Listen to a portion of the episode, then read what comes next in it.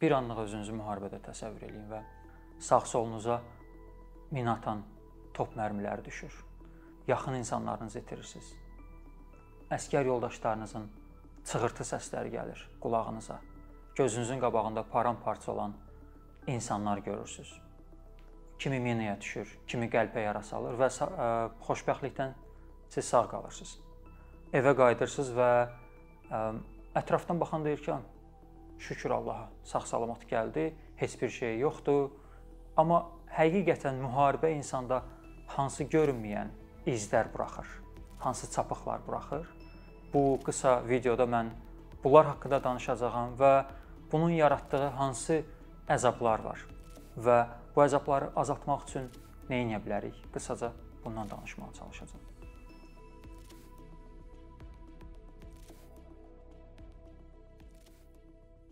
Bütün bu sadaladıqlarım insan üçün travmatik hadisədir. Və travmatik hadisə insanın psixologiyasında aşırı stress ortaya çıxardır. Bu stress öz növbəsində qorxuları əmələ gəlməsinə, qorxuları ortaya çıxardır. Aşırı həyəcan, kədər, ümidsizlik, başqa günah hissi, insan daim günah hissi içərisində özünü hiss edə bilər. Utanc hissi keçirə bilər. Və bütün insanlarda travmaya reaksiya eyni deyil. Bir insan üçün travmatik olan hadisə başqa insan üçün olmaya bilər. Və bundan əlavə travma yaşayan bütün insanlarda bunun təzahür forması eyni olmur. Əsasən bu cür travmatik hadisə yaşayan insanların əksəriyyətində bir müddətdən sonra bu əlamətlər öz-özünə sovuşub gedir.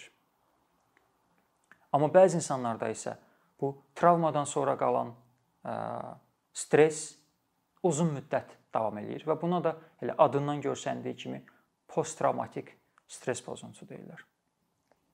Posttravmatik stress pozuntusunun hansı əlamətləri var? Bir qədər bundan danışım. Bu əlamətləri 4 qrupa bölmək olar. Birinci qrup əlamətlərə həmin o dəhşətli hadisə ilə bağlı zorla gələn xatirələr, düşüncələr aiddir. Müharibə bitib, insan evinə qayıdıb və divanda oturub televizora baxır. Qəfildən hansısa fikir gələ bilər ağlına, o dəhşəti xatırladan və ya o xatirə yadına düşə bilər. Bu zaman insan aşırı stress keçirir, həyəcanlanır, vahimə gəlir insana. Bəzən də olur ki, bunun lap kəskin forması olur. Buna flashbacklər deyirlər. İnsan həmin hadisəni sanki indiymiş kimi yaşayır. O Bakıda divanda oturduğu vaxt özünü Füzulidə döyüşdə hiss eləyir və Bəzən olur ki, insanlar gözü yumulur və həmin o hisslərə qapılır. Sanki ordadır. İndidən qopur və bu bir neçə saniyədən bir neçə dəqiqəyə qədər davam edə bilər. Həmin vaxt insan dəhşətli dərəcədə aşırı qorxu hissi keçirir. İkinci qrup əlamətlərə yayınma, qaçış aiddir. Yayınma, qaçış nədir? Bizim beynimiz eyni anda baş verən iki hadisəni birləşdirir. Və biz bu birləşmədən öyrənirik. Buna assosiativ öyrənmə deyirik. Məsələn, döyüşdə yanına minatan mərmisi düşən bir insan təsəvvür eləyin və həmin vaxt deyək ki, ətrafda hansısa gül çiçək var. Nərgiz gülü var ətrafda və yaxud hansısa dostu yanındadır və hansı nəsə yeyirdi, hansısa yemək var. Və beyin həmin vaxtı o qorxu, o o dəhşətli hadisə ilə o ə, obyektlər, o başqa hadisələr arasında bağ qura bilər. Və bu nə deməkdir? Bu o deməkdir ki, insan o ə, hadisədən sonra Nərgiz gülün görəndə qorxa bilər. Və yaxud həmin vaxt orada olan dostun görəndə qorxa bilər həmin vaxt yediyi hansısa yemək varsa, onu görəndə o onda narahatlıq yarada bilər, qorxu yarada bilər. Və bütün bunlar olmasın deyə posttraumatik stress pozuntusu olan insan o hadisə və obyektlərdən yayınmağa, qaçmağa çalışır. Bundan əlavə ağlından keçən o fikirlərdən, o xatirələrdən qaçmağa çalışır. Onu özündən maksimum dərəcə uzaq tutmağa çalışır.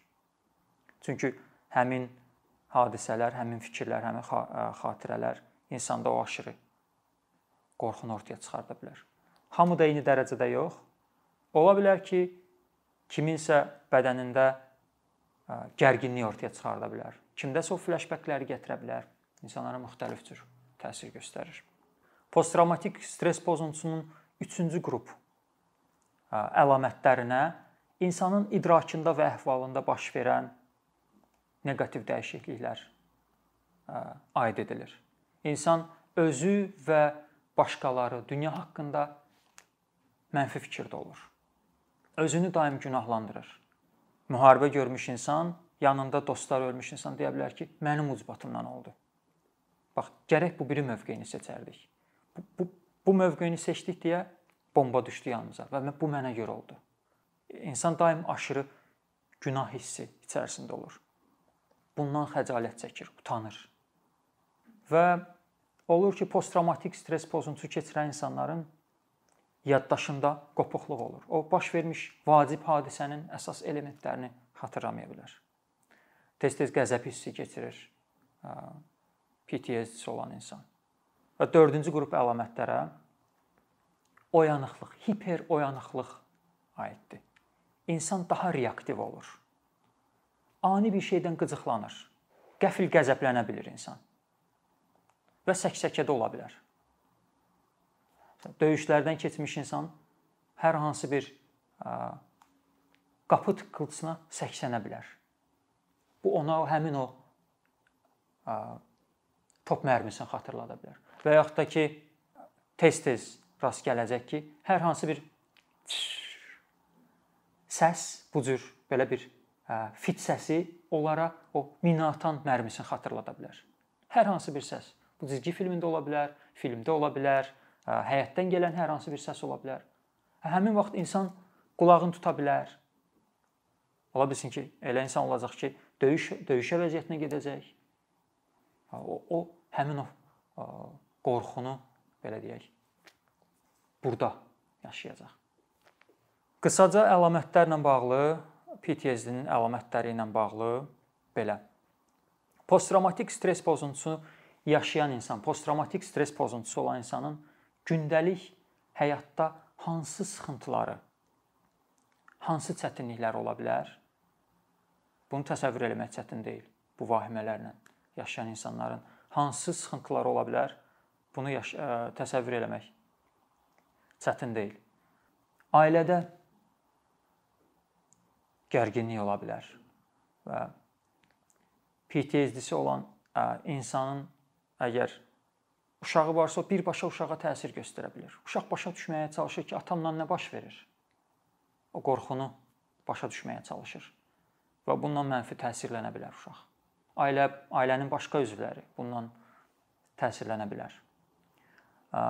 Posttraumatik stress pozuntusu olan insanların içki aludəçiliyi ortaya çıxa bilər. Bu da bir qaçış kimi, bir yayınma kimi o ağrılardan, o, o vahimədən qaçış kimi ortaya çıxa bilər.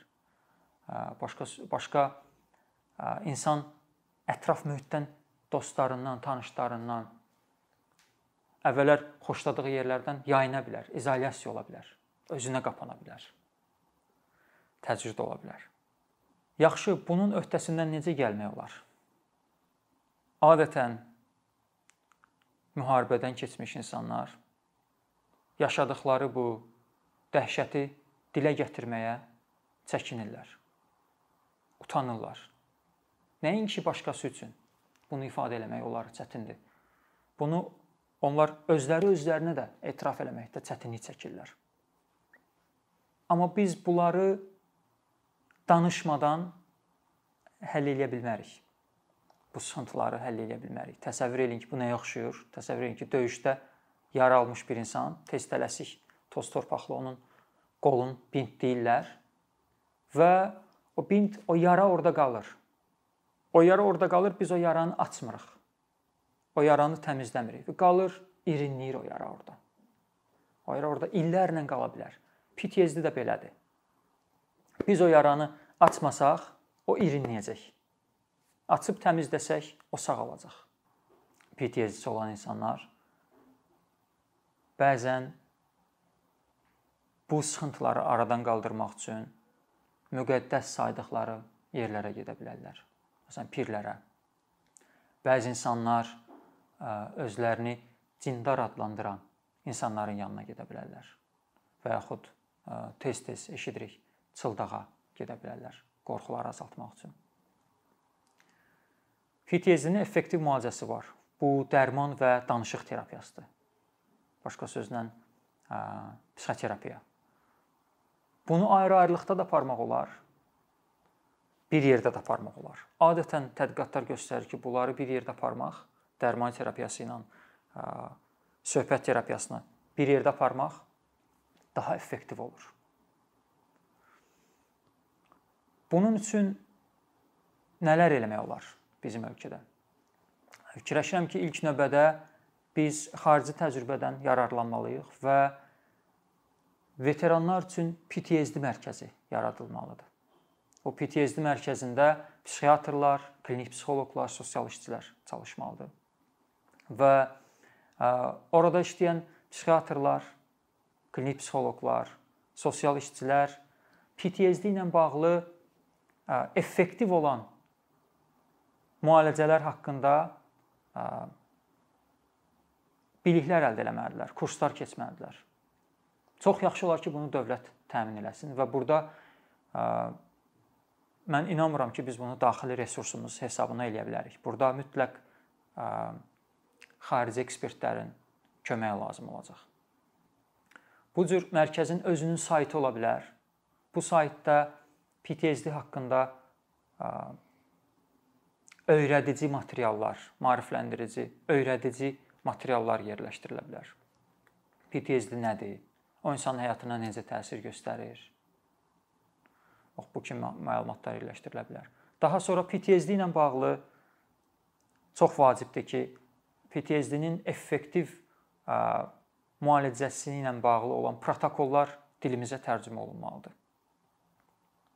Danışıq terapiyasında adətən psixoterapiyada psixoterapiya protokola əsasən həyata keçirilir. Onun terapevtlər üçün olan hissəsi protokol dediyimiz tərcümə olunmalıdır. Pasientlər üçün olan əl kitabları tərcümə olunmalıdır. Və müharibə iştirakçılarımız veteranlar üçün bu cür terapiyalar əlçatan olmalıdır. Başqa bir məsələ ola bilər ki,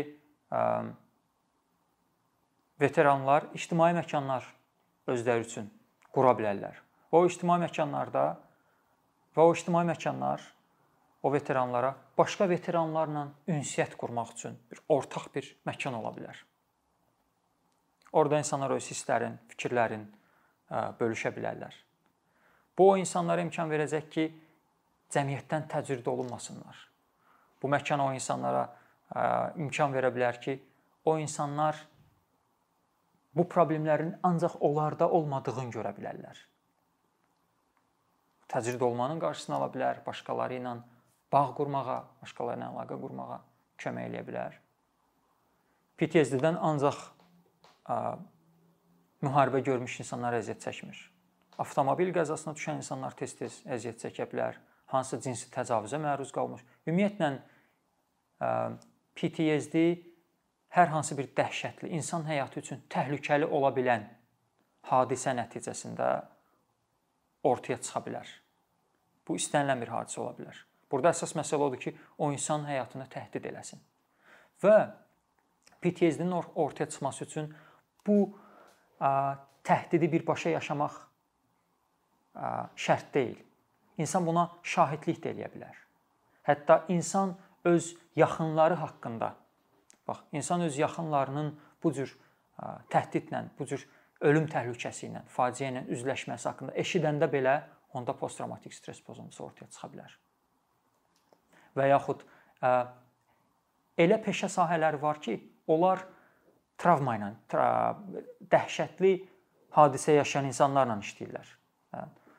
Məsələn deyək ki, davamlı olaraq uşaq təcavüzü, cinsi təcavüz və yaxud müharibə veteranları ilə işləyən insanlar və yaxud yanğın söndürən insanlar. Bunlarda da posttravmatik stress pozuntusu ortaya çıxa bilər davamlı olaraq. Yəni bu təkcə birbaşa hadisəni yaşamaq yox, ona şahidlik etmək, həmin hadisənin yaxın bir insanın başına gəlməsini eşitmək və peşə sahəsi ola bilər ki, insan davamlı olaraq bu cür hekayələr eşidəndə insanda posttravmatik stress pozuntusu ortaya çıxa bilər. Bayaq qeyd elədim ki, posttravmatik stress pozuntusu olan insan, bax bu dəhşətləri yaşayan insan, bu sıxıntıları yaşayan insan bunu nəinki başqalarına, bəzən özünə ifadə eləməyə belə çəkinir, utanır. Çünki adətən biz psixiatrik pozuntulara, beynin pozuntularına o qədər məna yüklüyürük ki, onu onu qəbul eləmək bizim üçün çətin olur. Döyüşən bir insan təsəvvür edin ki, mayordur. Odun alovun içərisindən keçib və təsəvvür edə bilirsiniz ki, o öz ətrafındakı insanlara deyir ki, bax anidən mənə belə dəhşətli qorxu gəlir. Çətin olar bunu ifadə eləmək o insanlar üçün. Amma insanın əgər böyrəyində daş olsaydı, o bəlkə də bu qədər sıxılmazdı onu demək ki, böyrəyimdə daş var. Və yaxud da ki, mədəmdə filan problem var. Bunu bunu ifadə eləmək rahatdır. Bunu ifadə eləmək daha rahatdır. Nəinki demək ki, qorxuram. Dəhşətli qorxu gəlir. Və yer gəlmişəm bu bu ancaq bizlə bağlı deyil. Bu bizim mentalitetlə bağlı deyil inkişaf etmiş cəmiyyətlərdə də tez-tez rast gəlinən məsələdir bu.